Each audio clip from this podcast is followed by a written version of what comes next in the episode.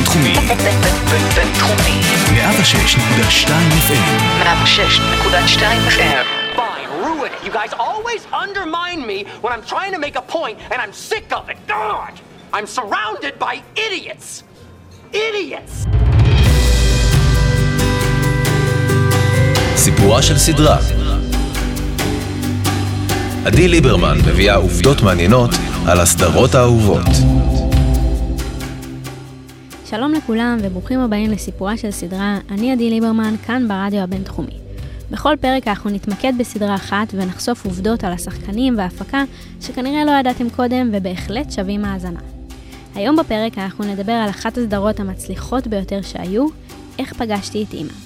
והכי חשוב לומר לפני שאנחנו ממשיכים, אם לא צפיתם בסדרה, הפודקאסט מכיל ספוילרים, שלא תגידו שלא אמרנו קודם.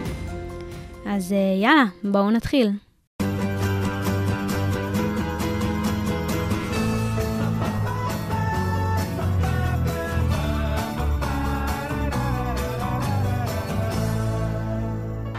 The People's Choice Award for favorite network TV comedy goes to Open the envelope.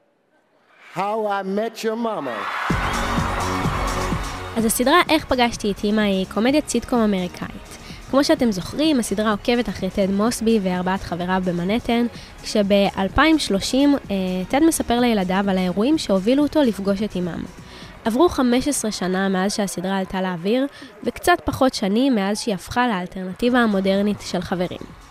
היא העלתה לאוויר תשע עונות, חמישה חברים הכי טובים, מיליון ציטוטים שאי אפשר לשכוח, וכל זה ב-208 פרקים. אז עד כמה אתם באמת מכירים את הדמויות בסדרה? It's gonna be legend. Wait for it. And I hope you're not lactose intolerant because the second half of that word is dairy. No. Legendary. Challenge accepted. בואו ניישר שנייה קו, במציאות ברני סטינסון גיי. ניל פטריק הריס, בן 47, האיש שמגלם את ברני, שבר אלפי לבבות כשיצא מהארון ב-2006. הוא נמצא בזוגיות עם השחקן דיוויד בודקה. מי שלא מכיר אותו הוא שחקן אמריקאי ושף מקצועי. הוא ידוע בתפקידי המשחק שלו בתוכניות תיאטרון וטלוויזיה, כמו איך פגשתי את אמא. ב-2010 נולדו להם זוג תאומים באמצעות אם פונדקאית, בן ובת. כולנו uh, מאוד נהנינו להשתעשע במחשבה שברני כנראה ילך לגיהנום, אחרי כל המזימות שהוא יצא רק כדי לפגוש נשים, לשכב איתן, וכמובן לזרוק אותן בסוף הערב. או ליתר דיוק 60 נשים בסדרה. אבל הוא בעצם הומוסקסואל רגיש שלא עשה רע לאף בחורה, חוץ מלדחות אותה לטובת בחור כמובן. עוד דבר שקרה, שאני חושבת שאף אחד לא ידע, אפילו אני לא ידעתי, ששלדון מהמפץ הגדול רצה להיות ברני, וגם הוא עשה את האודישן. כנראה שהייעוד שלו היה יותר חנון על מאשר אה, רודף נשים ידוע, כי קצת קשה לדמיין אותם בתפקידים ההפוכים. באודישן עצמו של הריס, הוא השתתף בסצנה שבמהלכה הוא שיחק laser tag, קלאסי ברני, ובאודישן עצמו הוא ניסה איזה גלגול, שבר כיסא, נתקע בקיר, האודישן היה על הפנים, המלהקים נהנו מהמשחק שלו וישר הציעו לו את התפקיד. וסתם לידע כללי, ברני היה רק 12 פעמים בלי חליפה. אתם יכולים לנסות לספור. Have you met Ted? No, no, no, no. We're not playing Have you met Ted. Hi, have you met Ted? במהלך הסדרה טד יצא עם 29 בחורות שונות עד שהוא פגש את האימא האמיתית. כל התגובות של הילדים של טד הוקלטו בעונה הראשונה, בשביל שהילדים יישארו באותו הגיל במהלך כל העונות, כולל העונה האחרונה. ככה שבעצם הם ידעו מהעונה הראשונה מי תהיה האימא ומה יהיה הסוף. ליתר ביטחון, סיפור מההפקה שהם uh, הקליטו כל מיני וריאציות שונות של סופים, כדי שתהיה להם את האפשרות ברגע האמת לבחור את הסוף האידיאלי.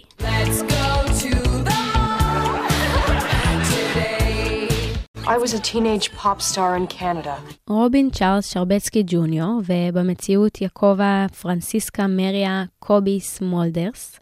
אה, נקראת על שם הדודה רבא שלה, יעקבה, שנתנה לה את השם חיבה קובי. בפברואר 2014 ההפקה חשפה שג'ניפר לאב יואיט, אה, מי שלא מכיר אותה, היא שיחקה בשולחן לחמישה ועוד סדרות רבות, דחתה את התפקיד ולכן הם ליהקו את אה, קובי, שאז הייתה לא ידועה בכלל. כמובן שבהמשך אמרו שזו הייתה ההחלטה הכי חכמה שלהם. תוך כדי הצילומים של העונה השלישית התגלה אצל קובי סרטן השחלה. היא עברה ניתוח כדי להסיר שני גידולים מהשחלות שלה. הסרטן הספיק להתפשט לבלוטות הלימפה, מה שהצריך ממנה לעבור מספר ניתוחים נוספים במהלך השנתיים שלאחר מכן. אבל הסוף היה טוב והניתוחים עברו בהצלחה. האמת שלי לא היה מושג מזה עד שלא קראתי על זה. אה, ב-2009, במהלך עונה הרביעית, קובי הייתה בהיריון. לא יודעת מי מכם הצליח להבחין בזה, הם הסתירו את זה בצורה מצוינת. אתם יכולים ללכת לעונה הרביעית ולהתחיל לחפש. Marshall and I have been together 15 years, and the only debate we've had about Tommy Boy is whether it's awesome or super awesome. That's love, bitch. תכלס, הזוג הכי חמוד על המסך, לילי ומרשל. לילי אולדרין ומרשל אריקסון, החברים הכי טובים של טד עוד מימי הקולג'. אליסון הניגן, מי שמשחקת את לילי, נראתה בהיריון על המסך. הפעם היחידה שהרשו בהפקה להראות אותה הריונית, הייתה כשהיא ניצחה בתחרות אכילת נקניקיות. השתמשו בתינוק שעוד לא נולד כדי להראות כמה היא שמנה. To this day, it's still the dirtiest joke I've ever heard in my life. And no, I'm not going say it. Yeah, I can't hang out with you anymore. That's a funny joke. That. Told you. She'll be back. And we didn't see Lily for four weeks. וככה הוציאו את לילי לחופשת לידה. לילי לא השתתפה בשלושה פרקים הבאים, ולבסוף היא חזרה אחרי שהיא השלימה עם ברני. אז כמה פעמים ראיתם את לילי ומרשל מתנשקים על המסך? הם בקושי התנשקו בגלל שג'ייסון סיגל במציאות היה מעשן מסיבי ואליסון לא אהבה את זה. היא אמרה שזה כמו לנשק מאפרה. אז היא ביקשה מההפקה לא להתנשק כשזה לא הכרחי. וכך היה, נראה לי אפשר לספור על שתי ידיים את מספר הנשיקות שהיו להם. Marshall, something's happened. Um, your father, he had a heart attack.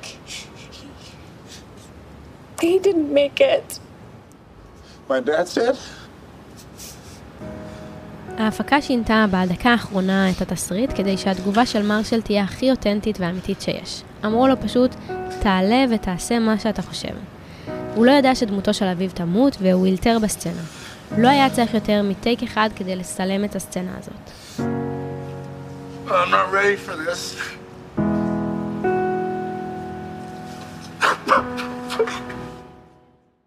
ובהמשך היוצרים גילו שבמהלך הפרק, עד אותו רגע, הייתה ספירה לאחור מ-50 עד 1 על כל מיני חפצים דוממים שונים ברקע.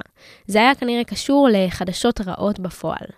הדמויות של טד, מרשל ולילי מבוססות על היוצרים של הסדרה, קרטר בייס וקרייג תומאס ואשתו רבקה. בגלל זה קל כל כך להזדהות איתם. בני הזוג של השחקנים לילי רובין וברני השתתפו בסדרה. אז ככה, בעלה של לילי גילם את סנדי ריברס, מגיש החדשות לצד רובין, רודף השמלות. בעלה של רובין גילם את גרי ברמן, שבעונה התשיעית התארח בחתונה של רובין, שלא היה לו מקום בחתונה. משעשע להיות האיש שלא יכול להיכנס לחתונה של אשתו. ובעלו של ברני גילם את סקוטר, החבר של לילי מהתיכון, שעדיין מאוהב בה ואובססיבי לגביה. And that, kids, is how I met your mother. No, I don't buy it. That is not the reason you made us listen to this. This is a story about how you're totally in love with Aunt Robin. The point of the story is that. Is that you totally, totally, totally have the hots for Aunt Robin. No, I don't. Yes, you do. You're grounded. וכמובן, איך אפשר שלא לדבר על הסיום של הסדרה. הסדרה מסתיימת בצורה שהרתיחה לא מעט מצופי הנאמנים, בו גילו שהאימא לה חיכו תשע עונות מתה ממחלה, רק כדי לפנות את הדרך שוב לרובין וטד. אחרי באז מצד המעריצים, הכינו סוף אלטרנטיבי שאולי ירגיע את הכעס שחטפו היוצרים עם סיום העונה התשיעית. ואם עוד לא צפיתם בו, עכשיו זה הזמן לחפש ביוטיוב. הסוף מתאים יותר לתפיסת חיו באושר ואושר, שזה מה שהצופים ביקשו לראות. טד מסיים את הסיפור לילדיו, האימא כמובן בחיים, וגם אין רמז לעתיד הקודר של רובין וברני. כולם מסיימים בחיוך מאושר. The end. אז הסדרה לימדה אותנו שכל רגע בחיים יכול להפוך לסיפור שנעביר לילדים שלנו יום אחד, ובגלל זה אנחנו צריכים לנצור כל רגע. וכן, היא גם לימדה אותנו להיות סופר קיצ'ים כשצריך, בעיקר לקראת הסוף. אז אם יש לכם סדרה קלאסית לפודקאסט הזה, ואתם חייבים שיעלה הפרק, כתבו לנו למייל שבביו את שם הסדרה ולמה אתם חושבים שהיא שווה שנקדיש לפרק. אני הייתי עדי ליברמן, ואנחנו נתראה בפרק הבא. יאללה ביי.